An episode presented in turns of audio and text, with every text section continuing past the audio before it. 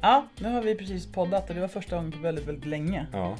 Och vi har pratat om motivation. Mm. Känner du dig motiverad? Ja, jag jag gör det. Och jag tycker att det är extra relevant så här när en termin börjar att fundera lite grann på motivation. Därför att motivation är ju drivkraft till genomförande. Och hur annars ska vi leva våra fantastiska liv om vi inte då och då checkar in och hittar the drive. Sant. Och jag tror att du som lyssnare, nu när du kommer att lyssna på det här avsnittet så ta gärna fram penna och papper så du kan skriva ner lite saker och spola tillbaka och lyssna om. Mm. Och framförallt i slutet så kommer lite handfasta tips och råd på exakt hur man gör. Ja. Det är ett kraftfullt verktyg. Så där bör man både skriva och sen göra och sen är det bara att köra. Så trevlig lyssning.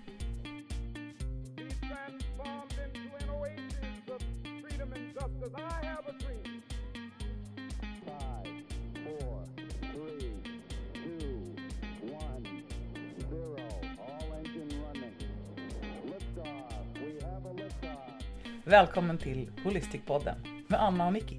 Podden som handlar om delarna som utgör helheten. Hej Nicky! Hej Anna! Det var så länge sedan.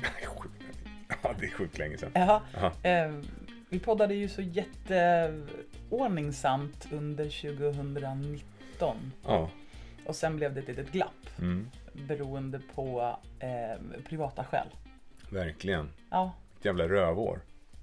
ja. Eh, På många sätt. Ja men definitivt. Ja, Eh, bara för att snabbt förklara så Ja. har min mamma blev sjuk och gick bort. Mm. Och din pappa blev sjuk och gick bort. Mm. Och eh, Corona hände. Och under den perioden så hade vi en poddpaus. Ja, verkligen. Mm. Och det är inte så himla konstigt kanske. Men. Det Nej, jag inte... tycker det var bra till och med. Ja, det var bra. Och... Men det var inte planerat. Nej, det blev så. Mm. I alla fall, nu är vi tillbaks. Mm. Eh, och vi har pratat om det här ett tag, att Mm. det ska bli jättekul att komma igång och podda igen. Ja, verkligen. Ja. Och nu har det varit sommar och sommarlov. Mm. Och en speciell sommar, tror jag, för många. Jag tror för alla. På, Mm. i, och det här kanske man inte tänkt sig att man skulle behöva säga. För alla på hela jordklotet. Ja, men jag tycker det här är fascinerande. Mänskligheten. Ja. Jag blir lite nyfiken. Därför att ja, men corona kom och eh, det som från början var så här, nej det kommer inte att komma till Sverige. Det kom ju precis överallt. Och det har varit för jävligt Mm. på tusen olika sätt som vi inte ens har sett slutet på ännu. Mm. Men jag är fortfarande nyfiken på vad det kommer att göra med människor, med mänskligheten Mm. när en pandemi griper in. Alltså Mm. någonting som samtidigt drabbar hela jorden och tvingar oss att ställa om. Utan att nämna vad vi ska prata om idag så touchar du in på de delarna. Oh ja, verkligen. En av de absolut kraftigaste sådana Ja, verkligen. kan man väl säga. Ja. Mm. Ja, men du, jag tänkte kolla lite grann med dig. Mm. Vi brukar ju säga så här, hur har din vecka varit? Men nu blir det snarare, hur har ditt år varit? Nej, vi nöjer oss kanske med, Jo, Hur det har du haft började det? det som är kronologiskt. Ja, nej, jag är inte så kronologisk. Det är ju du. Ha. Ja, du är verkligen en sån här- Du har ett kalenderminne. Mm. Så här, mm, förra året, den här tidpunkten, den här datumet, då hände det här. Mm. Och så kan du liksom linka det. det så funkar inte min hjärna. Min hjärna... Vilket är sjukt jobbigt just nu därför Mm. att för ett år sedan, exakt den här veckan, så var min mamma på intensiven och det är så jobbigt så det är inte klokt åt det. Men jag försöker tänka om och tänka nytt och Mm. få det till något bra. Mm. Mm. Så hur har du haft det? Ja, jag ska berätta om det alldeles strax. Mitt sinne funkar mer som en... Du, om du tänker att du har vattenfärger, en sån vattenfärgspalett. Och så blöter du ner alla de färgerna. Och så kastar du dem ner på ett vitt ark. Och så smälter alla färger ihop. Så funkar mitt minne ungefär när jag ska försöka hitta någonting. Så, Åh, jag ser en massa färger här och bara, det där blandar sig med det där. Det där. Och du är väldigt exakt. Så, du bara, tjuk, tjuk, så här kan jag komma ihåg. Är det då du säger, jo men det var bra, Exakt. Jag är nöjd. Mm. skönt. Ja. Nej, men, jag kan väl säga så här, bara för att dra en lång, eller en kort, ja, en historia över vad som har hänt så, så skulle jag väl säga att det som utmärker sig mest för mig just nu, förutom att min far gick bort den 29 april, så, så var det det som det ledde fram till. Och jag tycker så här, vår resa den började i Knivsta med eh, slutdestinationen inställd på Trogir i Kroatien 280 mil bort. Just det, vi hade ju pratat om att den här sommaren, Mm, då är vi hemma. mm. Vi tar det lugnt, ligger lågt, håller huvudet kallt och tvättar händerna och allt det där. Det var ju planen. Mm. Så målet med att vi drog ut på en resa då, det var ju att få en så rolig och fin resa för hela familjen. Och vi hade ju flera olika alternativa vägar att nå det här målet. Men så bestämde vi oss för att vi väljer den här rutten och vi väljer den här vägen för att ta oss ner till slutdestinationen. Så efter två dagars körning med piskande regn som oavbrutet liksom stänkte mot vindrutan och vindrutetorkarna som gjorde så gott de kunde för att jag skulle kunna hålla mig på vägen och föra fram familjen på ett säkert och bra sätt. Så dyker det plötsligt upp långt ner i södra Tjeckien ett oförutsett hinder i form av omdirigering av rutten. Minns du det här? Ja, ja. Eller sov du? Nej? Okej. Nej, nej, vi satt ju i bilkö jättelänge Ja. och det var ju då jag var så less. Yes. Så att, eh, Och istället för de här tio minuterna som var kvar till den österrikiska gränsen så tog det en timme via små gropiga och vindlande vägar genom ödsliga små tjeckiska samhällen. Och samtidigt som ljuset liksom började tryta och himlen blev mörkare och mörkare så var man tvungen att liksom ställa om lite grann i huvudet. För att vi visste att vi måste åka igenom tre olika länder för att nå till Kroatien. ja, det var ju det som var liksom förutsättningarna att, för det första att man fick komma in i länderna, men sen också att man fick, i vissa länder fick man stanna Ja. och andra länder var man tvungen att passera snabbt och utan stopp. Ja, så från södra eh, Polen, så på grund av den råda, rådande situationen med Corona, så var vi tvungna att passera Tjeckien, Österrike, Slovenien och så in i Kroatien där vi då skulle kunna få slappna av. Och då var det så här, när jag satt där mellan vindrutetorkarnas oupphörliga envetna arbete och regnets smattrande och hörbokens berättande röst ur högtalarna så kom jag att tänka på vad det egentligen i själva verket är som motiverar oss människor att resa och utforska nya platser. Alltså varför gör vi det? Vad är det som motiverar oss till att få eh, kunna göra de här sakerna?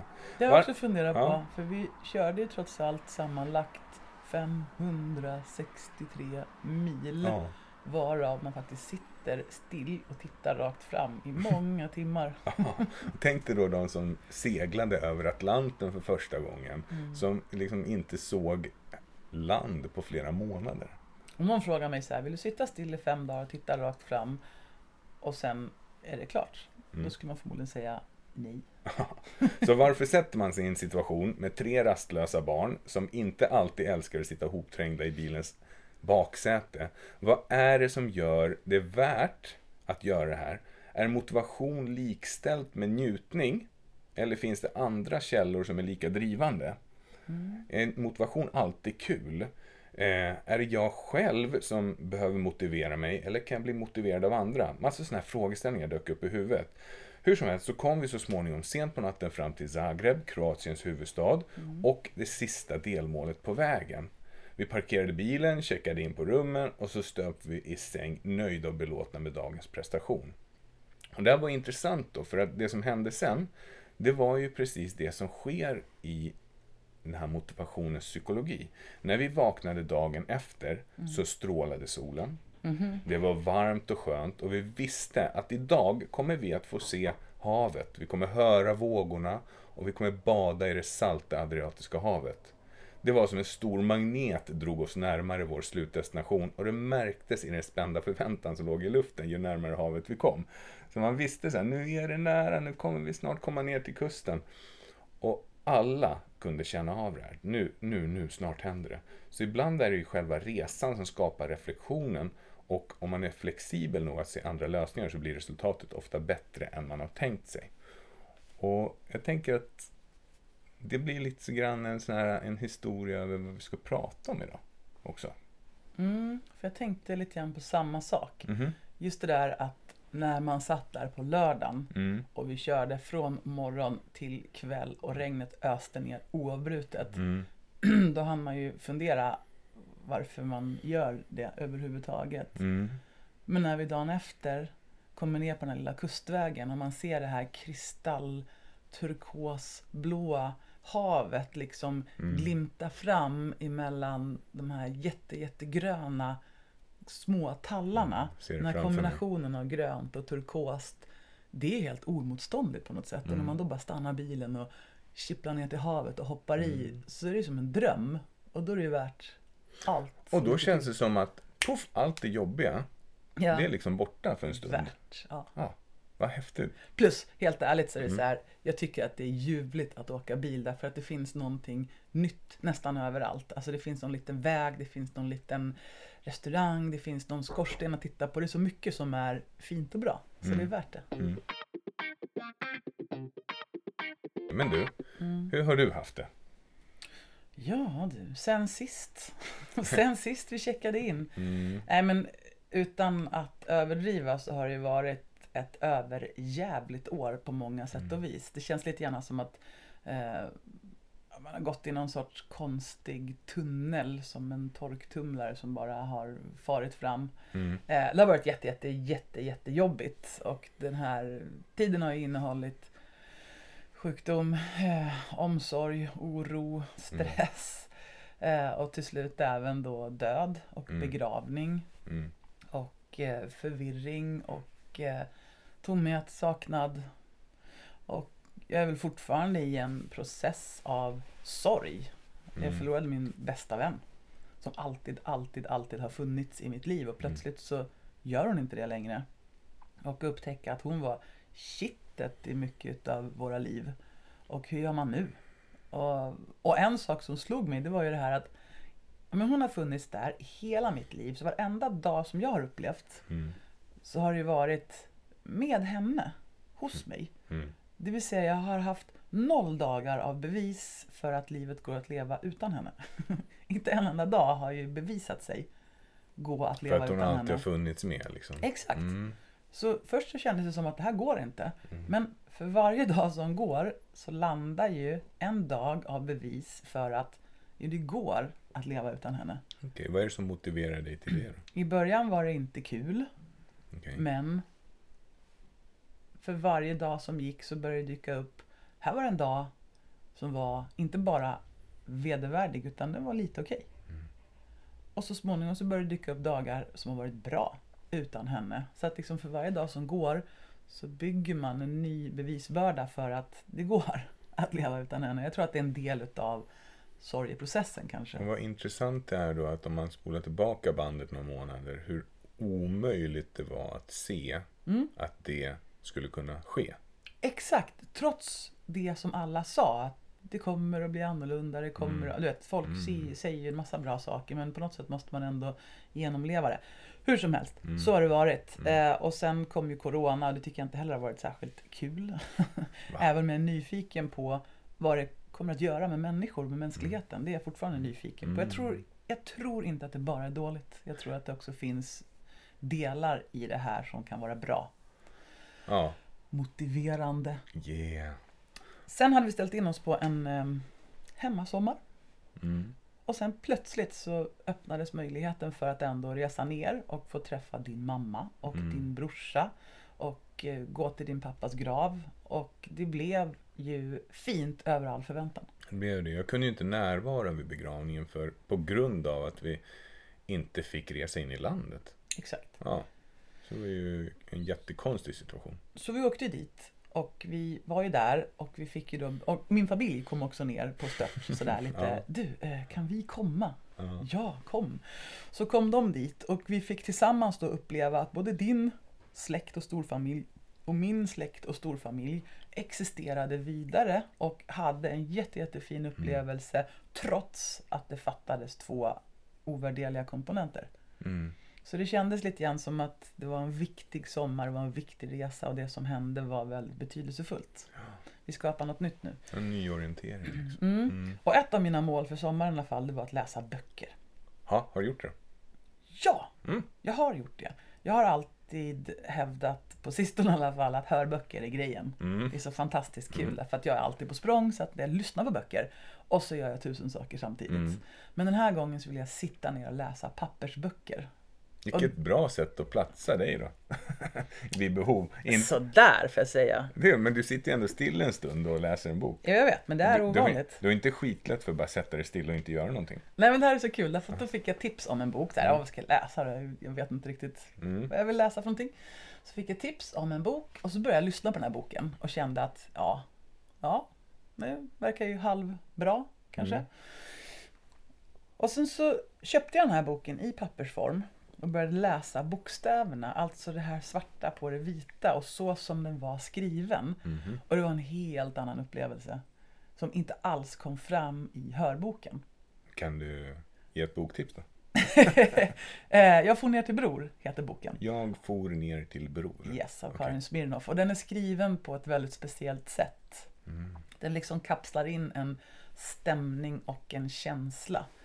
Ehm, och det var ganska coolt därför att där och då så liksom fick jag en aha-upplevelse av att mm, det är ändå skillnad. Mm. Jag blev motiverad till att faktiskt sitta still och hålla en pappersbok i handen och läsa på det sättet. Vet du? Mm. Tror du att det kanske har med den inre röst som du läser boken med att göra? Hur menar du då? Jo, men att det, vi kommer ju komma in på de här bitarna, men vi har ju både en inre röst och en yttre röst. Den röst som vi talar till oss själva med och den röst som vi pratar utåt med. Och om du läser boken, då får ju det, du det läst med alla de tonaliteter och tempon och sånt som du bestämmer. Mm, Okej, du tänker så. Ja, Mm. Nu ska jag bara säga en sak till. Ljudboken är uppläst av Lo Kauppi så att hon gör ju ett kanonjobb. Är det någon som jag borde veta vem det är? Det tycker jag. Jag vet inte vem det är. Okej. I alla fall författare. Eh, jättecool. Mm. Men Ja, men inre och yttre röst. Alltså jag pratade med min svägerska häromdagen. Hon är en hejare på att läsa böcker. Och hon Mhm. läser snabbt. Ja, just det. Ja. Hon Mm. läser sådär snabbt och härligt så att hon kan avverka en bok. Och jag är ju tyvärr en sån här människa som läser långsamt. Jag hör alla bokstäverna. Eh, Jag hör hela språket läsas upp när jag läser, så jag är inte en snabbläsare. Bokstaverar du dig igenom böcker? Nej, det gör jag inte. Men jag hör alla orden liksom som jag läser Ah, inuti okej. huvudet. Och det där är tydligen då en, en väg som hjärnan processar det Mm. skrivna språket som gör att det inte går så snabbt. Men däremot så blir upplevelsen ljuvlig. Och när jag läser någonting som jag inte riktigt liksom Ja, men jag kanske behöver gå tillbaka och läsa det igen och liksom Mm. smaka på orden. Vad, vad fiffigt uttryckt det här var. Ja, spännande. Det missar man ju i en hörbok. Så nu har jag bara för att testa så jag liksom sveppat emellan läsa boken, lyssna på boken, läsa boken och bara Oj. liksom känna på vad är det för skillnad. Ja, vad är det det, är, nej, men det är en gigantisk skillnad beroende på hur boken är skriven. Mm. Mm. Mm. Så det var... Cool. Eh, Viskar du fram orden med tungan när du läser? Alltså pratar du tyst för dig själv? nej, det gör jag inte. Nej, men det är ett så här inlärningstricks. Det vill säga, när du ska, när du ska plugga till någonting, studieteknik. Om man märker att man viskar in i munnen, alltså man mm, ljudar orden med tungan, att den rör sig. Så ska man Ja. försöka undvika det, för att det är ett sätt att störa inlärningen. Ja, men det är ju så jag jobbar fast den inte högt.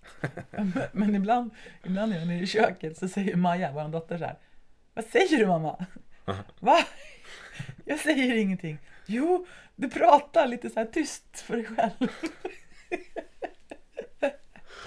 Helt för Det gör du faktiskt. Åh, ja, Men Du du säger inte mycket dumma saker. det hörs väl kanske inte vad jag Nej. säger då. Ja, ja, Mm. så har jag haft det. Mm. Um, hörru du. Mm. Idag så kom vi överens om att vi ska prata lite grann om ett ämne och det ämnet är Motivation! Ja, men varför har vi valt det då? Jo, för att alltså, man kan ju fundera över vad är det som gör att vissa människor lyckas och Mm. vissa människor inte gör det. Varför gör människor som de gör? Ja, alltså när det gäller allt. Det vill säga, Mm. vad är det som motiverar oss till att göra det vi gör? Oavsett om det är bra saker eller dåliga saker. Mm. Det är så här, motivation det tas oftast i, inom ramen och kontexten av mental positiv prestation. Mm. Tänker jag. Man tänker så här, motivation, det handlar om att man ska vara inspirerande och motiverande och så vidare. Mm. Men det är faktiskt en beteendegenerator oavsett vad det är vi gör. Mm. Alltså det genererar beteenden oavsett om de är bra eller dåliga. Spännande. Och så finns det en motivator bakom det här. Mm. En hävstång.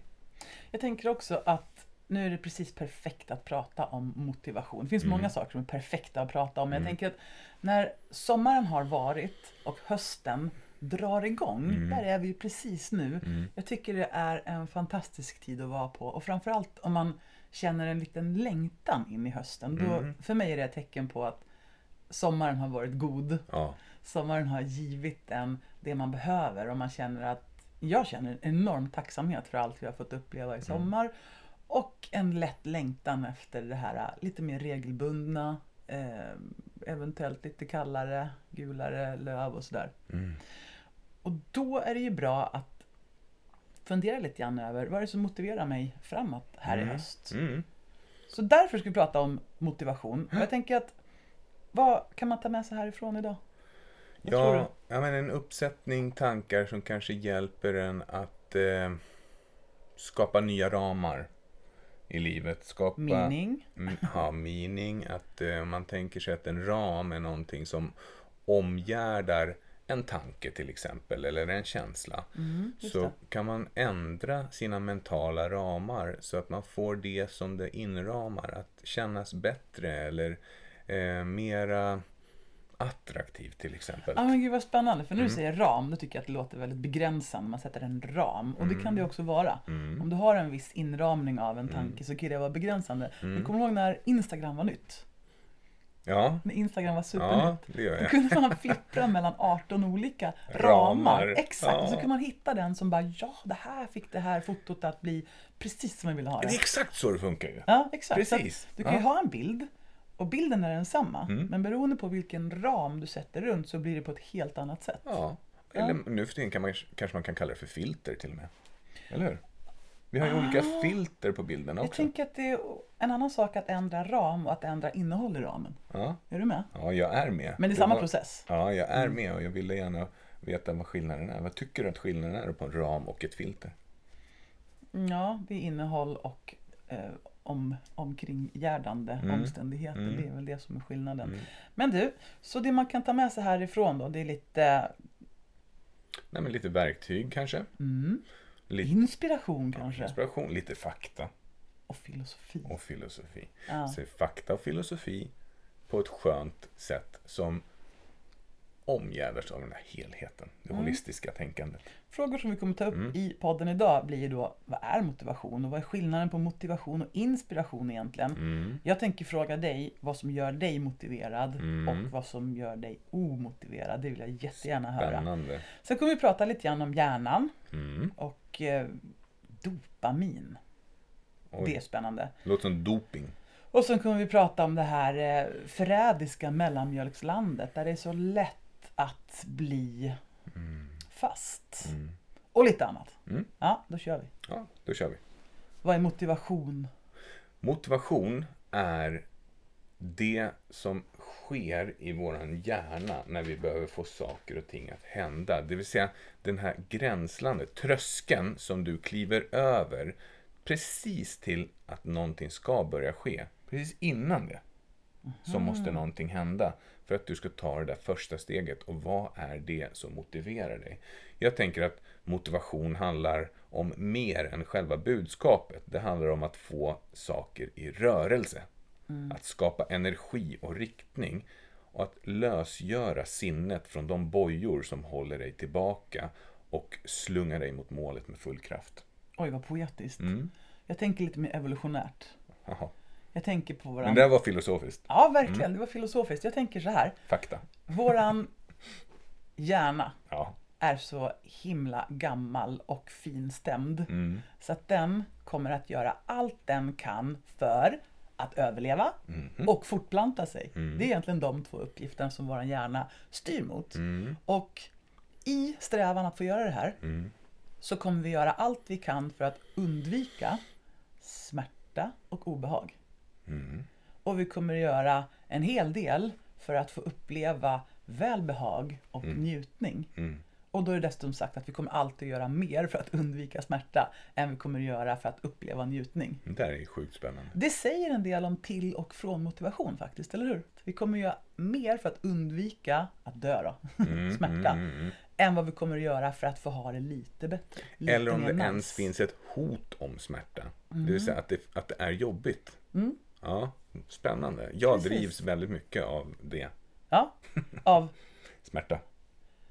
Ja, det ska jag höra mer om sen. Mm, men jag är sen tänker jag också att det dock. finns inre och Mm. yttre motivation pratar man om. Mm, Du har hört det? Ja, verkligen. Ja. Mm. Och det här tycker jag är superspännande. För att då säger man att den inre motivationen, Mm. det är den som sker av nyfikenhet. Alltså drivkraften är vad du själv har för intresse och vilja. Du, är liksom, du vill verkligen göra någonting därför att det här är så intressant. Mm, Typ om du ska lära dig ett nytt språk. mm, Då kan du göra det för att du bara brinner för att få upptäcka hur man pratar italienska. Eller så måste du göra det för att du har fått det där tyska jobbet och du måste befinna dig i Berlin om två veckor. Exakt, och då pratar vi om yttre motivationsfaktorer. Mm. Du behöver lära dig det här språket, inte för att du kanske speciellt vill lära dig tyska nu då. Mm. Men för att om du behärskar tyskan lagom till det här mötet som du ska gå på, då finns det belöningar för det att hämta i form av att du blir respekterad, du kanske får eh, en eh, bättre position i företaget, du kanske får en högre lön och så vidare. Och så, Mm. vidare. Mm. så att inre och yttre motivationskraft, Mm. eh, pain och pleasure Mm. pratar vi om. Men jag undrar en grej. Mm. För motivation, Mm. inspiration, Mm. vad är skillnaden? Jag är inspirationsföreläsare, jag är motivationsföreläsare. Ja, men, Vad är skillnaden? jo, men inspiration, det är någonting som du kan uppleva och känna. Du kan bli inspirerad av ett citat. Du kan bli inspirerad av en persons sätt att vara. Mm. Men det är inte säkert att det kommer motivera dig till förändring. Nej, för jag tänker precis att inspiration det är någonting som liksom lyser upp. Det är som ett eh, stjärndamm som Mm. liksom kommer på en. Mm. Men jag tänker att motivation har mer med handlingskraft och genomförande att göra. Ja. Vad säger du om det? Ja, alltså verkligen. Jag fick upp en bild av månresor av någon anledning. Liksom att inspiration, det är det som krävs för att tända gnistan så att vi blir motiverade att röra oss mot målet. Mm. Men om vi inte har, om vi bara har inspiration Mm. utan motivation, då är det inte värt något. Nästan. Alltså då blir det så här, Mått är det "Uff." värt. Jo, Jag men det tänker att blir, inspiration också blir en stämningspåverkare. jo, men det är en dagslända. Mm. Alltså det håller inte så länge. Nej, it doesn't last. Nej, motivationen att hålla det där lysande, det är ju det som skapar förändringen. Mm. Så det är som att ta en dusch ungefär. Ja, det håller några dagar. Ja, sen är det liksom dags att Duscha göra det igen. igen. Ja, annars blir det ofräscht. Mm, mm. Mm, Så motivationen är väl att, att hålla sig fräsch för att inte lukta illa. Och då gör man, då duschar man regelbundet. Mm. Ja, men det säger en hel del. Så motivation, det är inspiration, motivation, det är ingenting som dyker upp en gång och sen är det klart. Det är en kontinuerlig handling känns det som. Mm. Eller hur? Det är väl mer ett beteende, inspiration är mer en känsla. Vet du, jag tror också det. Mm. Jag tror att vi kommer att komma in på det med det här med till och från motivation Mm. och hur lätt det är att fastna Mm. när man Verkligen. glömmer att underhålla Mm. motivationen. Mm. Men du, Mm. vad är du motiverad till just precis nu? Jag vet ju lite grann, men. Jag är motiverad till förändring. Alltså jag vill förändra saker och ting. För att det är så här, året som har gått har ställt saker och ting på sin spets. Och Man vet aldrig vad som ska hända med en när människor går bort och när man ställs inför kriser och förändring. Eh, det intressanta med mig är att om jag backtrackar mig själv genom de kriser och förändringar som skett i mitt liv så har jag ändå alltid valt att se den positiva utvägen så småningom. Ibland behöver jag hjälp med det, men ibland så kan jag hitta det själv. Jag minns eh, en gång i tiden i min ungdom när jag umgicks i fel sällskap. ja. Och eh, jag kände att jag måste bryta med de här influenserna som jag befinner mig i just nu. Så att din tröskel för obehag och smärta och hur mycket det liksom kanske gick i strid med dina, din moraliska kompass. Ja, precis. Det var värdegrundstyrt. Det var värderingsstyrt. Mina värderingar stämde inte överens med det som höll på att hända. Och då kände jag att jag måste göra en förändring. Så jag, när mina mönstringspapper kom så motiverade det mig till att jag ska söka den hårdaste utbildningen som finns i militären. Mm, långt bort. långt bort från där jag är. Och då kom jag in på både eh, fallskärmsjägarna eh, och till K4, Arvidsjaur. Och då frågade jag, vilket av det här ligger längst bort? Ja, men det är Arvidsjaur såklart. Men det är skitkallt där och jättemycket mygg på sommaren. det är perfekt. Jag åker dit. Du som hatar mygg. Ja, Ja. så jag åkte dit och eh, det vände till mångt och mycket mitt liv. Det vände riktning på mitt liv därför att jag fick lära mig mer om mig själv än jag någonsin hade trott och var förberedd på. Så Ja, vad det- spännande. ja. Så, så vad känner du dig motiverad till just nu då? Jo, Vad jag, handlar det om förändringar? till att börja med känner jag mig motiverad på grund av att jag känner att förändring är på gång. Mm. Någonting måste ske. Så jag känner att jag vill nå ut till ännu fler människor. Jag vill... Eh, Pratar vi om ditt yrkesliv nu alltså? ja, det, Ditt call. mitt call. Ja. Det kan man nog säga. Därför att jag, jag har många hattar på mitt huvud. Och en av de hattarna är den här av att vara holistiker. Det vill säga att se den här helhetslösningen i allt som jag gör. Och det vill jag nå ut med. Det budskapet vill jag nå ut med mycket mer. För jag vet hur mycket potential som ligger bakom det här. Det finns så sjukt mycket att göra. Och jag känner mig motiverad till att fortsätta leva ett hälsosamt liv. Jag har ju bytt ut båda mina höfter. Jag har fått en ny chans i livet på så sätt att faktiskt leva ett aktivt liv. Och det är supermotiverande att veta att om jag håller min vikt nere till en normal nivå, om jag tränar mina muskler, om jag äter bra, så vet jag med största sannolikhet att jag kommer få ett bra liv på lång sikt. Mm. Så det är. Det är, vad är, och då frågade du mig egentligen, vad är det som gör mig motiverad? Nej, det jag frågade var, Nej. nej. det jag frågade efter var så här, vad är du motiverad till just nu? För jag tycker det kan ju variera lite grann i livet. Liksom, ibland är Mm. man superpepp på att eh, måla om huset. Ibland är man Mm. superpepp på att knyta närmare kontakt med sina vänner. Det kan vara olika beroende på vart man är. Ja, men det finns tusen saker som jag skulle behöva göra som jag känner mig men- motiverad till att göra. Ja okej, men jag tänkte Ja. det här liksom som hägrar mest. Men jag har ju sett det att du har ju satsat ganska mycket på din kost Ja. under några månader. Mm. det känns ju som att du är väldigt motiverad Mm. till att göra en förändring där. Mm. Och där är också så här, man måste tillåta sig själv att precis som våran resa genom Europa så kan det dyka upp hinder på vägen. Men det, man ser det som en omdirigering och så ser man till att komma upp på banan igen så fort som möjligt, då är det inget misslyckande. Och samma sak så är det med kosten. Jag vet att vissa utmaningar finns där. Och sen så kan jag acceptera att okej, nu kom det en sån här utmaning, en omdirigering och då måste jag in på banan igen. Och det motiverar mig jättemycket för jag har ett mål i sikte. På tal om den här omdirigeringen så får jag berätta en rolig historia. Ja, är det om mig? Nej, det är, ja, Okej, ja kör. det är mest om mig egentligen. Okej. Men i alla fall. Mm. Eh, vi satt där och vi hade ju åkt bil hela dagen och det var varmt och det var långtråkigt och vi var snart framme. Ja. Och så, så var vi tvungna att stanna och tanka. Och det är så himla kul att gå in på olika tankstationer med munskydd på förstås och sprita händerna. Eh, och kolla på vad de har, därför att det ser inte ut som i Sverige. De har ju andra grejer. Mm. Och på den här macken då så hade de eh, jätteroliga ölsorter. Mm. Och sen så hade de någon ölsort som var en mix av, eh, alltså det var mojito och öl. Jag vet inte fasen vad det var. Det var jättekul i alla fall. Jag var tvungen att köpa den där. Ja, Eh, och det var, den var 2-procentig eller något sånt, så jag skulle inte köra bil. vad som är folköl. Ja, exakt. Ja. Precis. Och så satt vi och körde bil och så visste vi att nu är vi liksom framme om 30 minuter här. Det är sjukt irriterande men, men jag tog och smakade på den där. Och då så sa jag, men fasen Nick, du måste bara smaka, bara munna lite grann på det här. Mm. Nej! Ja, men, ja, okej då, får jag smaka då? Så du tar upp den här burken och, och smakar på den här ölläsken. Och precis då så bara blixtrar det till. Och alla i bilen märker att det blixtrar men liksom det tar ett tag för hjärnan att fatta att var det något som blixtrade? Vad fasen var det som hände? Och då var det en fartkamera som hade I smält Polen. av. Precis då. Det var så dåligt. Och det var ju ganska oskyldigt för det var inte som att du var rattfull men det kommer ju se jättedumt ut. Ja, men För det du var körde om... för fort. Exakt, det var en omkörning så jag körde lite för fort. Har en, en, ölfla... en ölburk framför ansiktet. Och det... Men vet du vad det sjuka var? Det var otroligt motiverande för varje fartkamera som kommer fram till, eller något som liknade en fartkamera, så var det tvärnit Du skämdes ju flera timmar efteråt. Du Det var var livrädd. Ja, det var jättejobbigt. Fan, Du pinsamt. blev ju så här rädd för alla stolpar som dök upp överhuvudtaget. Vad vad är det där för någonting? Det hade en sån här orange färg också i Polen. Så varje gång jag såg någonting som var lite liknande orange så var det Betingning. Fatta Pavlovs hundar, där är det in action. Mm. Sjukt kul. Men jag har en fråga till. Ja. Vad känner du dig omotiverad till just nu? Alltså själva ordet är ju så jäkla tråkigt. Mm.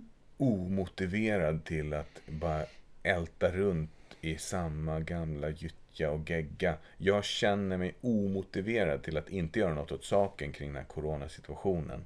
Alltså, bara låta det fortgå utan att någonting händer, det känns tråkigt. Oj, men vad kan du göra då, tänker du?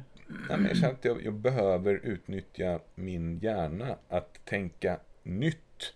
Att, att eh, liksom våga vara kreativ. Mm, vad spännande. Ja, att liksom få, få på något sätt lösgöra mig från de där mentala bojorna som jag nämnde tidigare. Mm. Det är ju liksom att, att se möjligheterna. Mm. Jag har en liten story, får jag berätta den? Som jag Mm. kommer att tänka på. Och det här är en, en, en gammal saga egentligen om en vattenbärare från Indien. Mhm. Mm.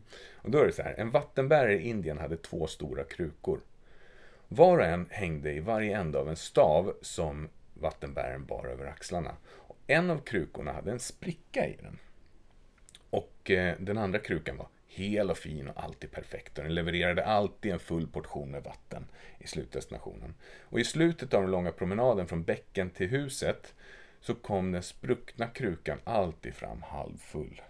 Stackars krukan.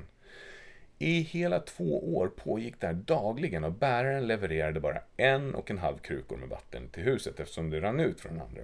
Naturligtvis var den hela och fina krukan stolt över sina prestationer och skröt om det för alla andra krukor som den träffade. Men den fattiga, spruckna krukan skämdes för sina egna brister och kände sig eländig över att den bara kunde uppnå hälften av vad den hela, fina och perfekta krukan hade fått göra. Efter två år av vad den spruckna krukan uppfattades fattades som ett bittert misslyckande talade den en dag med vattenbäraren när hon satt sig ner för att vila vid bäcken. Och så sa krukan Jag skäms över mig själv och jag vill be om ursäkt för mina brister som kruka. Okej, så bäraren frågade Varför? Vad skäms du för? Och den spruckna krukan svarade under de senaste två åren har jag bara kunnat leverera hälften av min lastning eh, genom, eftersom sprickan i min sida får vatten att läcka ut hela vägen tillbaka till ditt hus. Och på grund av mina brister får du inte ut det fulla värdet för dina ansträngningar och det känns jättetråkigt för jag drabbar dig. Mhm. Och vattenbäraren tyckte synd om den gamla spruckna krukan och sa När vi återvänder till huset så vill jag att du lägger märke till de vackra blommorna längs vägen. Mm. Och när det gick upp för backen noterade den gamla spruckna krukan solen som värmde de vackra vilda blommorna på sidan av stigen och det hejdade krukans känsla av misslyckande för en liten stund. Men i slutet av spåret så kändes det fortfarande dåligt eftersom det hade läckt ut halva lasten av vatten och krukan kände sig återigen i behov av att be om ursäkt till bäraren för att den misslyckats. Så bäraren sa till krukan, men märkte du att det bara fanns blommor på din sida av vägen, men inte på den andra krukans väg, eh, sida? Det beror på att jag alltid har känt till din brist och jag nyttjade den på bästa sätt. Jag planterade blomfrön på din sida av stigen och varje dag när vi går tillbaka från bäcken har du vattnat dem. I två år har jag kunnat plocka de här vackra blommorna för att dekorera min mästares bord. Om inte du var precis som du är så skulle inte han ha haft den här skönheten i sitt hus. Så moralen med det här då, det är ju att var och en av oss har våra egna unika brister och vi är alla knäckta krukor. Vi har en spricka där ljuset kan falla in. Och i den här världen så förlorar vi ingenting. Man kanske tänker att jag är den där spruckna krukan om man är ineffektiv eller värdelös inom vissa områden i sitt liv. Men på något sätt kan de här bristerna visa sig vara en välsignelse i förklädnad. Vad tänker du om det? Fint. Fint ja. ja. Och då tänker jag så här. Jag har gått omkring och känt att jag har massa brister och grejer och det är massa skit som händer i världen just nu och så. Men om jag tänker att det där kan vara en välsignelse, det kan vara en motivator till ett nytt beteende. Mm. Så kanske jag kan komma på nya lösningar och tänka i nya banor. Mm. Det är väldigt sällan som självkritik leder till någonting bra. verkligen. Tyvärr. Alltså det är ju en sak att hitta ett läge som man vill ifrån. Mm. Men att kritisera sig själv på vägen har sällan funkat särskilt bra. Det Nej. blir kortsiktigt tyvärr. Ja, men verkligen. Och, och det är ju det där med att liksom, det är ju en av de här mentala fallgroparna som, som kan skapa demotivation. Det vill säga att gå in i de här känslorna av bitterhet och att bli kränkt och förolämpad och se problem istället för lösningar. Mm. Mm. Så se lösningar istället för problem. Hjälpa hjärnan på traven liksom. Mm. Mm. Vad gör dig motiverad och omotiverad? Ehm, jag gillar från motivation. Va? Ja, jag tycker, Okej. den jag tycker det är jätte, jättebra. Jo, men, Jag trodde tvärtom. ja, Jag trodde att du gillar till motivation, njutningen. jo, men så kanske det också är. Ja, absolut. Men alltså så här, jag är ganska bra på att måla upp bilder i huvudet. Mhm. Jag, Ja, jag, eller en, ja, säger jag. jag är en visuell människa. Mm. Och eh, jag får snabbt upp bilder av det jag vill åstadkomma. Och Mm. när en sån bild väl har satt sig, då, då blir jag motiverad. Mhm. Då är det väldigt få saker som liksom kan stoppa mig. Mm. Eh, Men jag gillar också från motivation. Jag gillar, alltså det är inte trevligt såklart. Nej. Jag har en berättelse om när eh, en kompis sa Häng med på Stockholm Triathlon, det blir kul. Eh, och jag tänkte att nej, nej, jag har inte alls någon lust. Men någonting for i mig att, jo men jag minns ju att det är kul ibland att tävla en solig sommar och Mm. ja, men du vet, simma där vid Stadshuset i Stockholm. Mm. Jag minns att jo, men det kanske är lite kul. Mm. Så vi åkte på en 40-årsfest på lördagen och vi festade på där hela natten. Och jag hade absolut inte tränat inför det här utan jag tänkte jag tar det som en spontanare. Perfekt uppladdning inför en Mm. olympisk In- triathlon. Nej, jätte, jättedumt. Det Ja. var ju otroligt dumt. Men hur som helst. Mm. Eh, med glädjen liksom som ledstjärna så gick jag upp tidigt och så åkte vi in till stan. Och solen sken och glittrade i vattnet och det var jätte, jättefint. Mm. Och jag tänkte en olympisk distans, det kan jag klämma ur mig. Mm. det har jag tränat på länge. Det är oförskämt nästan, Anna. Ja. Men hur som helst. Ja. Eh, och hoppade i vattnet. Och jag är ju gammal simmare så jag tänkte det här går ju liksom på rutin. Och det kändes så fruktansvärt dåligt. Alltså det var en fantastisk upplevelse Mm. att kajka runt i vattnet och se Västerbron och Stadshuset och alla simmare och så. Men, men jag var ju usel på Vadå, att vad var det som hände? Vad kände, hur kändes det? Nej, men jag hittade liksom inte simtagen, jag fick liksom andnöd och det var inget flyt alls. Okej. Men that's fine, därför Mm. att det var ändå så här, men det var en fin upplevelse, tycker det är coolt. Mm. Och så upp och så på cykeln, jag hade inte heller tränat så mycket cykel och det var ju så här Inget flyt där heller. Jag kände mig osnabb, ostark och obra. Hur motiverad var med- du då? då? Nej men det blev väl så här less. Bara, åh gud det här är en jättedålig bana. Den är knixig och trixig och åh, trång och nej. Hittade problem? Ja men det var så här, det var inte, det var inte jättekul faktiskt. Och sen av cykeln och sen ska man ju då springa en Ja. mil. Och jag är en person som gillar att göra saker i fred. När jag Mm. tävlar så är det liksom, det är min upplevelse.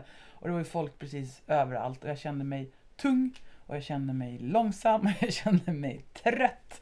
Och eh, helt ärligt så kände jag mig som en stor ful köttbulle som liksom rullade fram genom gatorna i Gamla stan medan folk satt och drack vin och var Armarna ut åt sidan. det var otrevlig upplevelse och liksom, eh, jag var ju absolut inte på något bra mindgame heller. Jag var ju dåligt fysiologiskt förberedd, jag hade Mm. inte tränat, jag hade inte förberett mig mentalt. Så till slut gick jag i mål och det var, jag, jag genomförde det, så det var Mm. inte asdåligt. Nej. Men där och då så var det så här, okej this is it. Här vill jag inte befinna mig, så här dålig vill jag inte känna mig. Och det blev ju då startskottet till att eh, vi la upp en träningsrutin och så småningom så gjorde vi en Ironman och jag fick en helt annan känsla och upplevelse i kroppen. Så det är så här ett exempel på hur från motivation kan starta någonting bra. Vad coolt. Men du, jag blir nyfiken på en sak i Mm. den här historien. Varför sket du inte i allt istället då? Alltså, du, du, vissa människor Mm. kan ju ha en störtande föreställning om sig själva att om inte jag orkar då kan jag lika gärna skita i det. Men det Ja. gjorde ju inte du. Nej, det är väl en väldigt bra fråga. Jag antar att det skulle ge mig ännu, ännu, ännu mycket mer pain, för så funkar jag. Hmm. Att, att ge upp skulle bli så otroligt smärtsamt. Även så... fast det inte fanns någon njutning linkat i det. Det är ju sjukt intressant. Det fanns ingen njutning i det här.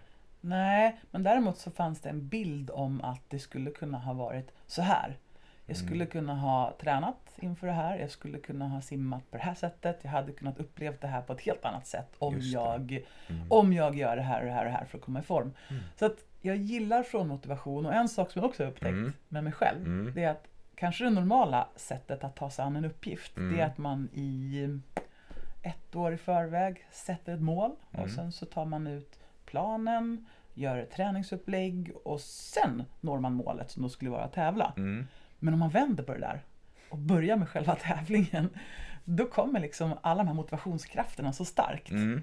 Så att börja baklänges, det Anmäl är, dig. det är exakt, börja med det. Ja. Börja med att anmäla dig. Eh, Eller rättare sagt, börja med uppleva. Nej, men det är samma som att eh, ett, ett, om man ska komma igång och gymma. Köp ett årskort. Köp Mm. inte tio klipp. Köp ett årskort på en gång. Ja, sannolikheten att du kommer att känna att det är mer pain att inte träna för då förlorar du de där 5000 kronorna. Det är större än Mm. att om du, äh, det, är bara, det är bara tio klipp, det är bara tusen spänn.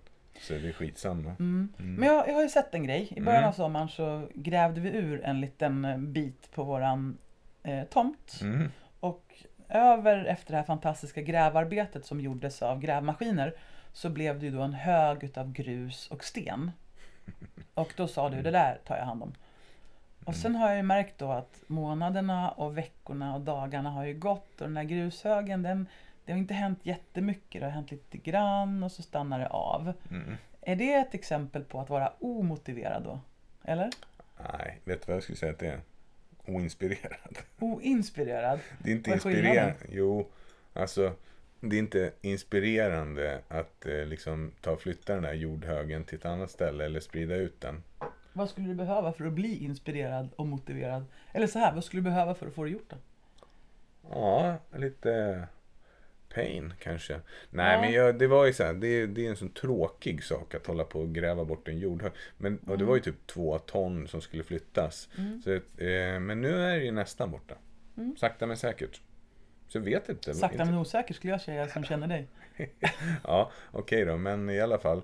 Så eh, jag vet inte. Nej. Vad skulle få mig inspirerad att flytta den här jordhögen? Mm. Inte ett skit. Det är helt oviktig egentligen. Men du, nu har vi Mm. pratat lite grann om det här med till och från motivation. Mm. Jag tänkte vi kunde väl prata lite mer om det. Mm. Det man redan har fattat är ju då att från motivation, Mm. det är ett läge som du absolut vill ifrån.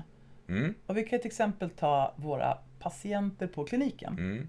Alla vet ju att det är inte bra att sitta still vid köksbordet på en trästol liksom och hänga över datorn alla dagar i veckan. Nej. Jag vet, jag vet, jag borde ju kanske träna och kanske till och med stretcha. Ja. Men, ja men du vet, det Ja. blir ju inte av. Nej, Nej, det det blir- ju inte av. Nej. Eh, och det kan till och med vara så att man har en partner som har tjatat på en i flera år. Du borde verkligen träna. Du borde verkligen inte sitta still så mycket. Nej, jag vet, jag vet, men. Mm. Det blir nästan demotiverande. Ja, man är det där mellanmjölkslandet. Mm. Varför ska jag ändra någonting när det funkar? Mm. Så kommer ryggskottet. Mm. Som en förbannelse. Mm. eller välsignelse. Mm. För plötsligt blir pain level tillräckligt hög för att du måste gå och göra någonting åt saken. Mm. Nu måste jag ta tag i det här. Mm. Har du då ett ryggskott och så får du effektiv hjälp av naprapaten. Det Mm. enda du lär dig då är att det här var ju lätt fixat så då kan ju sitta och hänga Mm. vid köksbordet igen. Men om du får ett återkommande ryggskott eller om det inte riktigt ger sig. Mm. Då blir du plötsligt motiverad till att kanske göra de där förbaskade stretchövningarna eller core-övningarna som naprapaten har givit dig. Mm. För det gör för ont att ha ont i ryggen. Mm. Och ofta så pratar man med människor och så säger de så här, vad, vad skulle jag själv kunna göra för att slippa det här? Mm. Ja, det är enkelt. Om du börjar styrketräna regelbundet, då kommer du slippa ifrån många av de problem som du har. Mm. Och svaret är, jo, men det är ju så tråkigt. Mm. Och då brukar min fråga vara, men är det verkligen roligare att ha ryggskott och ligga still och ha ont? Mm. Nej, det är förstås, det är det ju inte. Nej. Men det här med att ibland hamna i ett läge där man har smärta och obehag och bara känner att jag orkar inte mer. Mm. Det kan ibland vara det absolut bästa som har hänt. Mm. Det finns ett uttryck som heter welcome frustration. Mm. Och det är det här när man bara känner att nu är allting så sjukt jobbigt så jag blir Mm. tokig. Det kan vara det bästa som har hänt. Därför att där och då kan du få tummen ur och äntligen börja göra någonting. I stort sett vad fasen som helst för att inte göra samma sak som har fått dig till det här En känsla av eländiga att läget. förändring måste ske. Yes, Mm. det är ju motivation, Mm. helt ärligt. Mm. Och det kan ju vara på ett ekonomiskt plan. Mm. Att du upptäcker att min ekonomi är verkligen usel. Jag sitter Mm. fast hos Kronofogden eller vad det kan vara. Det kan vara i relationer, att du känner att du har jättejobbiga relationer som bara skaver hela tiden. Mm. Eh, Det kan vara med dig själv, med din hälsa. Det kan vara ett besked från läkaren Mm. som får dig att känna Oj, är det så här illa? Det kan vara en bra sak att vara med om. Även om det är jobbigt. Ja. Om man tillåter sig själv att tänka i de banorna. För även där, det är samma grej som med din triathlon-upplevelse. Mm. Vissa människor blir demotiverade av motgång. Alltså Mm. om de får, du har cancer.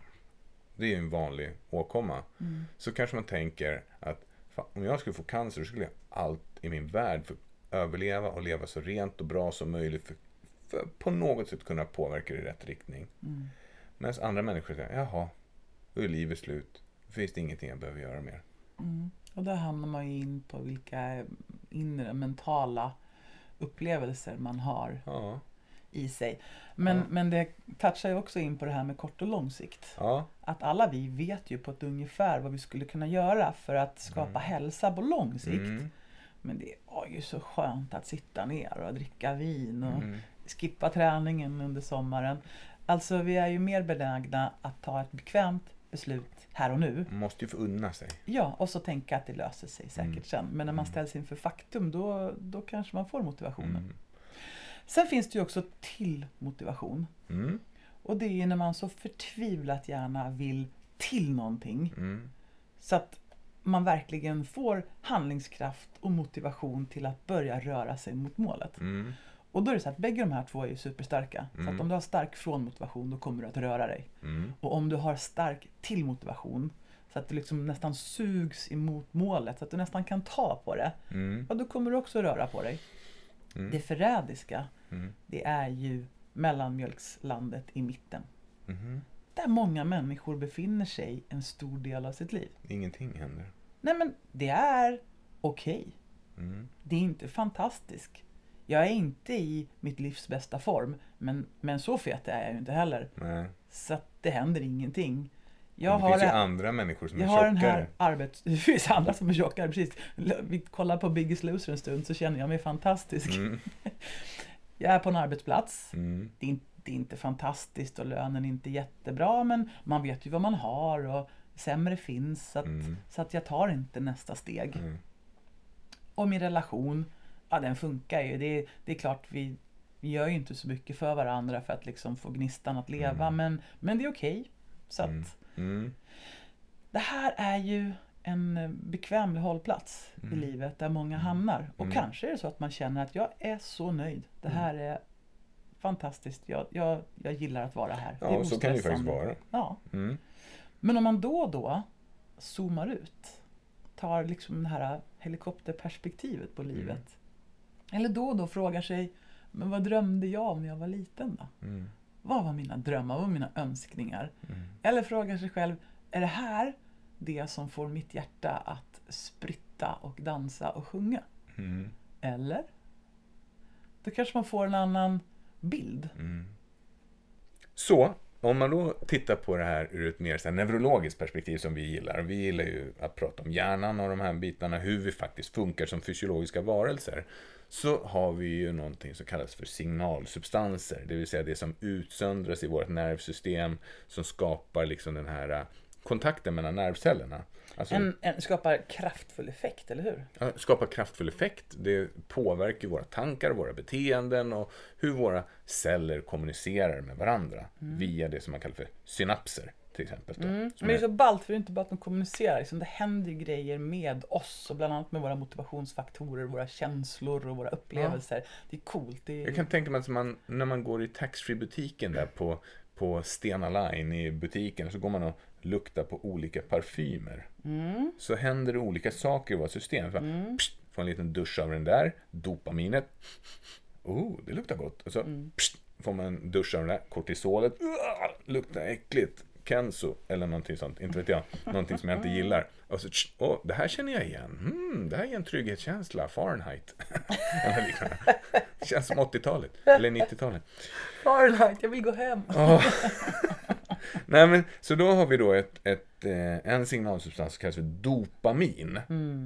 Och vad vet du om dopamin?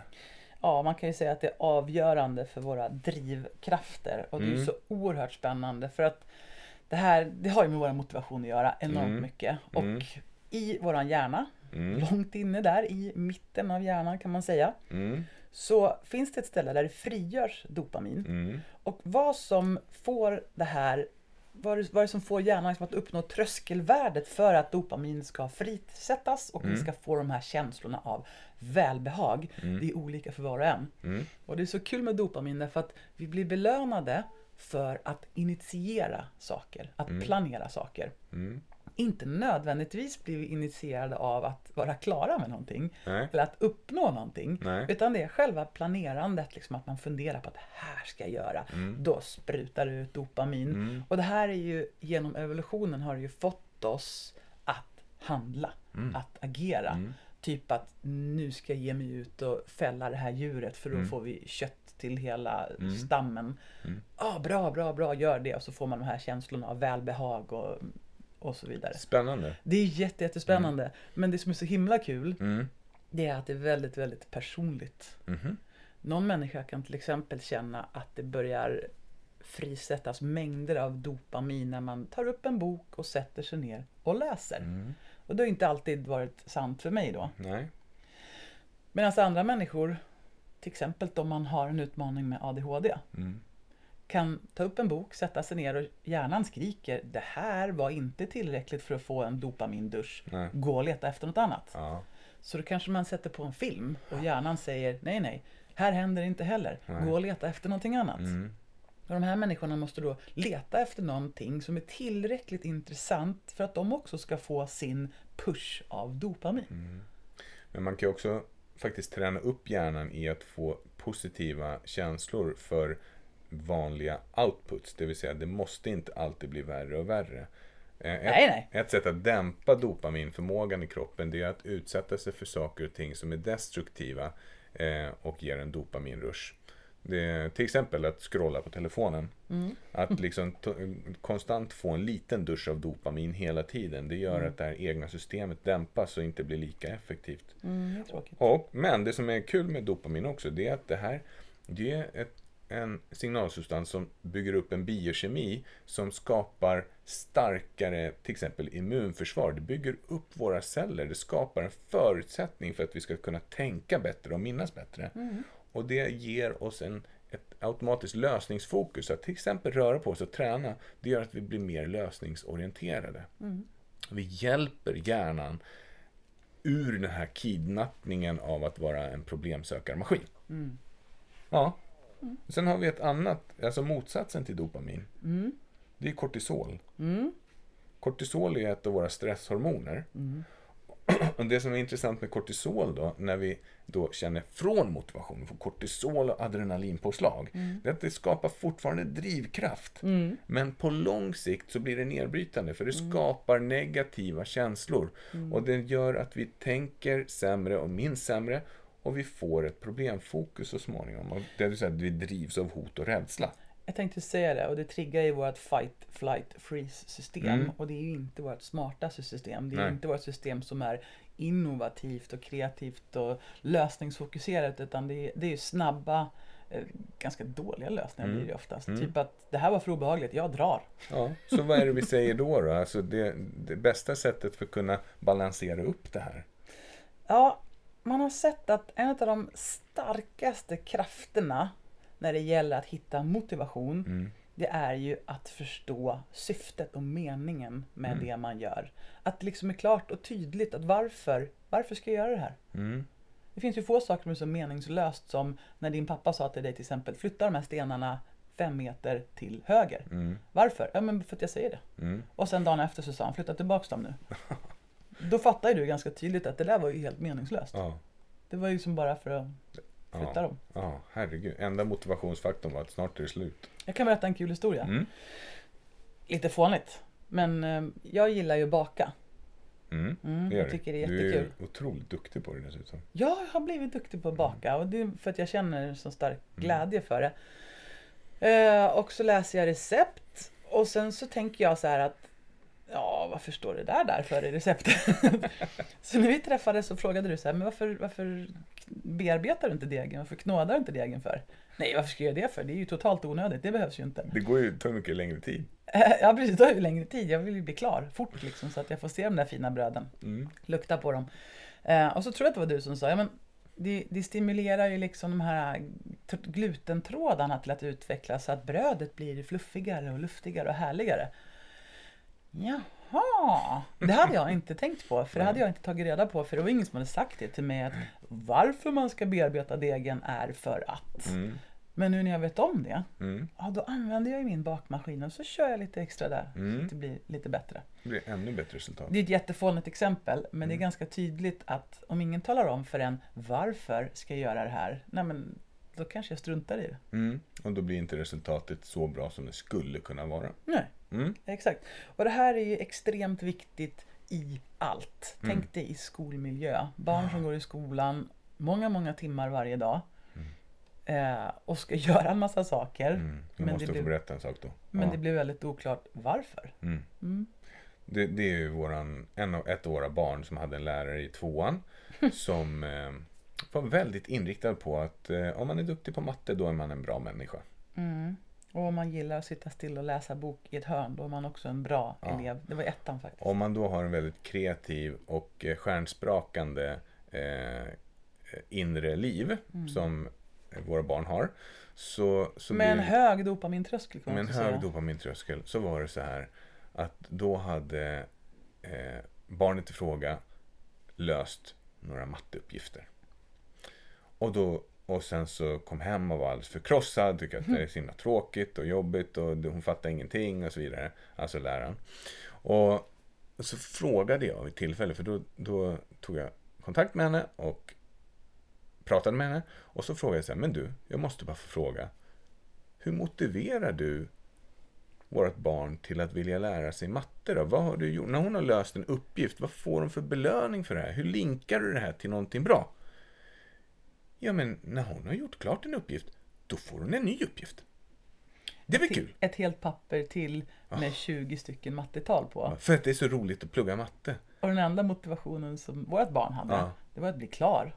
Ja, så man så, får att, slippa. så att man får röra på sig igen. Ja, hon vill ju stå på händer efter Ja. det, eller göra kullerbyttor eller något säger men hur kan du, hur kan du mot, för, tro att vårt barn blir motiverat av att få ytterligare matteuppgifter? Alla funkar inte likadant.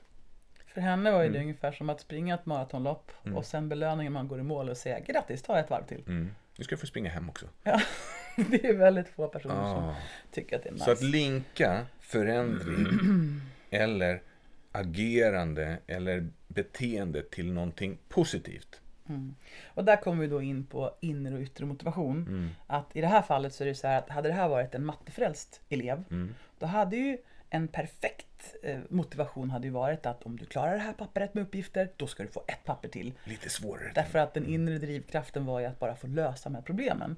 Men om man tycker att det här är dödens tråkigt, då kan man ju ta till yttre motivation, motivationsfaktorer som att om du fixar det här, då kan du få gå ut och stå på händer i korridoren. Vilket var en motivationsfaktor för vårt barn. Mm.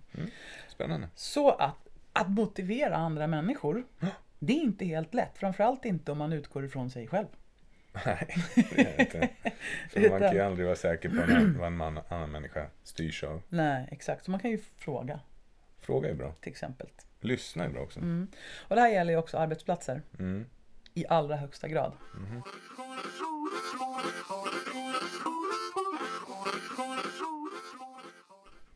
Hur ser neurovetenskapen bakom motivationen ut? Lite fakta om hjärnans belöningssystem. Belöningssystemet ska locka oss att göra livsnödvändiga aktiviteter som att äta, dricka, motionera, fortplanta oss och skaffa kunskap. Belöningssystemet deltar också i styrningen av vårt humör och vår sociala anpassningsförmåga. Sannolikt därför att även detta har med överlevnad att göra. Ett gott humör släpper in en i gruppen. I det ögonblick som signalsubstanser frisätts i hjärnan belönas vi och njuter därför av det. I det ögonblick som signalsubstanser frisätts i hjärnan belönas vi och njuter därför av det vi håller på med. Den viktigaste signalsubstansen för belöning är dopamin. Det tillverkas på en plats i hjärnan som fungerar som belöningssystemets spindel i nätet. Dopamin säger till oss vad vi vill ha och styr vårt beteende. Välmotiverade anställda är en konkurrensfördel. För 20 år sedan skulle chefen motivera sina anställda. Idag måste de anställda motivera sig själva till mångt och mycket. Chefen kan bidra såklart. Fortfarande är det en smula oklart hur det här låter sig göras på bästa sätt. Och i början på 2000-talet visades att, ett starkt att starkt motiverade individer presterade två till fyra gånger mer än andra. Vid komplicerat arbete ökade skillnaden. En starkt motiverad mjukvaruingenjör presterade 12 gånger mer än en medelmåttigt motiverad. Det finns alltså starka ekonomiska skäl för att ha en välmotiverad arbetsstyrka. Så vad är då motivation? Det här eftertraktade mänskliga fenomenet har allt sedan Frederick Taylor publicerade The Principles of Management 1911 legat i fokus för forskning inom flera discipliner, alltifrån psykologi, sociologi och ekonomi och organisationsutveckling och ledarskap till filosofi. Varje disciplin har försökt definiera vad motivation är och hur den kan mätas. Belöningssystemet styrs av dopamin och triggas igång av våra basala överlevnadsbehov. Senare forskning visar att många av Maslows behov, inte bara de fysiska utan även trygghet, relationer och självkänsla, är nära relaterade till belöningssystemet. Upplevelsen av rättvisa är ett grundläggande behov som inte får svikas. Då tappar människor motivationen direkt. Att ta avstånd är motivationens motpol och triggas av upplevelser som orättvisa och brist på tillit. Signalsubstansen som reglerar det här är serotonin. När det här systemet är igång blir vi mindre produktiva och tappar motivationen. Båda systemen styrs av en robust lagbundenhet och framtidens ledare har således att navigera i vad som väcker vad hos sin arbetsgrupp för att därmed få ut bästa möjliga effekt och arbete. Vill man veta mer om hur hjärnan påverkas av motivation så kan man läsa på inom ämnen som kallas för neuroledarskap eller neuroleadership och framförallt kanske SCARF-modellen.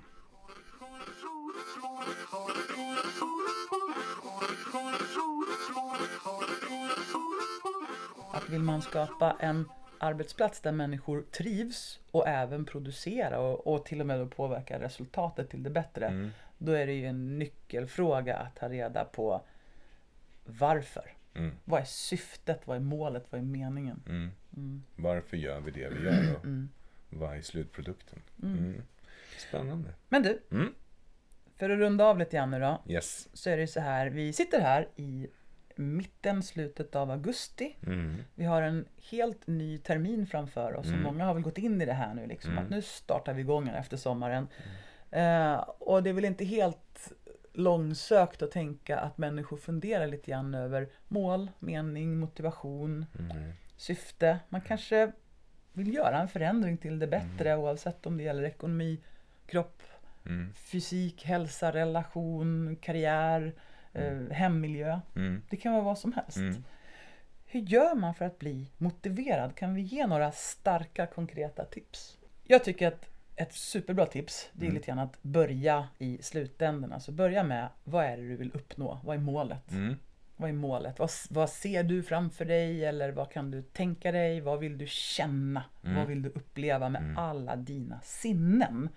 När du har nått dit som du drömmer om. Mm. Det är en bra grej. Mm. Och om man gör den här övningen då, Mm. då kan, man, då kan man nästan sätta sig ner och blunda. Och så försöker man flytta sig till ett läge, alltså fantisera så mycket som det bara går om att okej, nu har jag nått mitt mål, nu är jag där.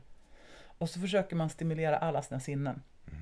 Om jag har nått det här målet, typ jag ska komma i den här formen eller jag ska få det här jobbet eller jag ska göra så här fint hemma. Vad ser jag Mm. när jag är där? Och jag ser ett sexpack. eh, vad hör jag? Vad säger folk till mig? Mm. Vad säger jag till mig själv? Mm. Vad känner jag? Hur känns kroppen? Hur känns upplevelsen? Alla sinnen liksom. Alla sinnen kopplar man på så att man verkligen skapar en verklig känsla av att, alltså målar upp en bild för hjärnan att det här har hänt. Som om. Som om det redan hade hänt. Mm. Precis. Sen tar man också och tittar lite grann på, ja men okej, vad, vad, vad är nuläget då? Vad startar jag ifrån? Mm. Det är som vilken GPS som helst, du måste veta vart du är och du måste veta vart du ska Mm. för att det ska finnas en möjlig väg framåt. Titta lite grann på nuläget, hur är det nu? Mm. Försök vara brutalt ärlig. Mm. Är det här så som jag vill ha det? Mm. Är det här bra? Mm.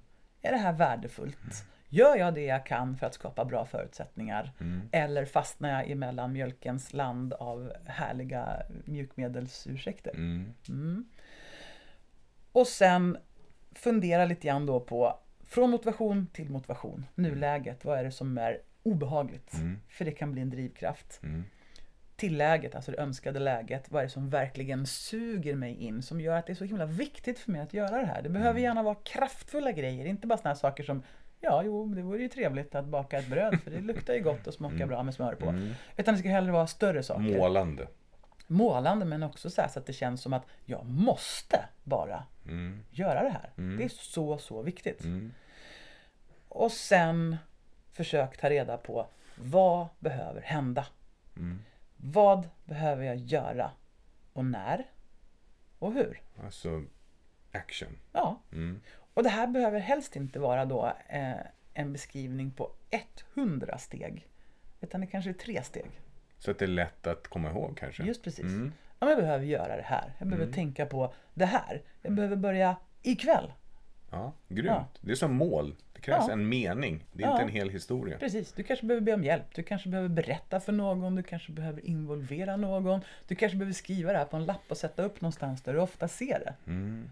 Och så ta en liten funderare på, okej men om jag kör i diket då? Mm. När jag kör i diket, för det gör ju alla människor. Mm. Vad gör jag då för att komma upp på banan igen? Mm. Det tycker jag är en bra plan. Det är riktigt, riktigt bra. Mm. Och sen kan man ju fundera över vad det är för vad det här skulle leda till för positiva bieffekter. Det var kul att komma igång och podda lite grann tycker Mm, jag. verkligen. Och idag har vi pratat om motivation. Ja, Jag tror vi kommer prata om det igen och igen och igen. det är ett så viktigt ämne. Så Ja, det är ju- avgörande. Ja. Men jag tänkte bara kolla, vi pratade lite grann om att ge både fakta och filosofi kring motivation. Vad tar Mm. du med dig? Jag tar med mig faktiskt det här att eh, man kan faktiskt motivera sig själv till att skapa förändring. Och man kan med de här enkla verktygen som vi ändå gått igenom faktiskt skapa nya målbilder och ge sig själv en möjlighet att bli inspirerad. Alltså man inspirerar sig själv. Jag vill skicka med ett litet extra tips på slutet. Mm. Och det är så här att ibland så tänker man att jo, jag skulle vilja göra så här, men det går ju inte för att. Mm. Och så ställer man den här frågan då till personen som man coachar. Men, men om det inte var så här då? Låt oss säga att det här hindret var helt borta. Det var borta, det liksom fanns inte. Vad skulle du göra då? Mm. Ja men då, då skulle jag göra så här och så här och så här. Jaha, hur skulle det kännas då? Ja men det skulle kännas jätte, jättebra. Och där får man oftast fram väldigt många nya ledtrådar. Så prova och fråga dig själv, vad är det du tänker att hindret är för någonting? Och låtsas för en stund att okej, men då är det hindret borta. Hur det gick till, det vet vi inte riktigt. Och sen ställ frågan till dig själv, vad skulle jag då göra? Och hur skulle det kännas?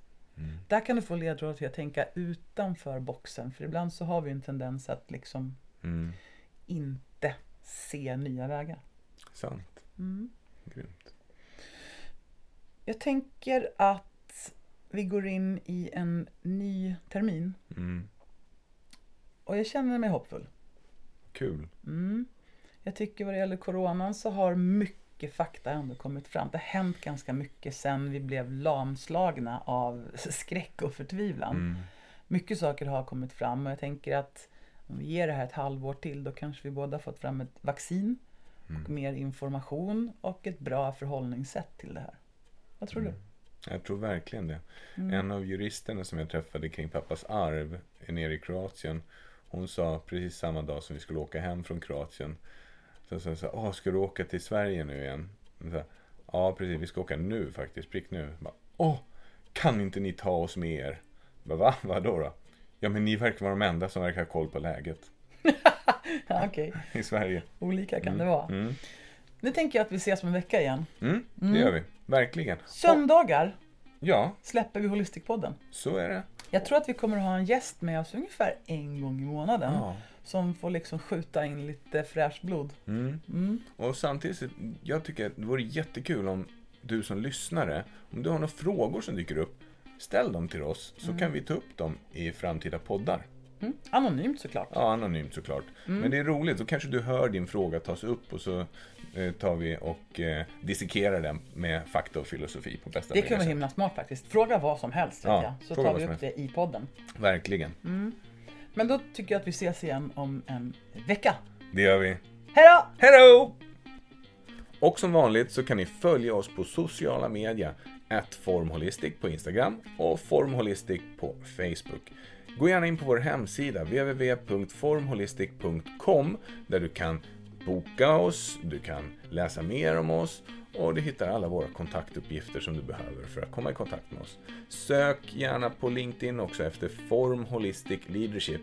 Där kan du connecta med oss via länkan, vilket är jätteroligt för att vi vill ju ha kontakt med dig.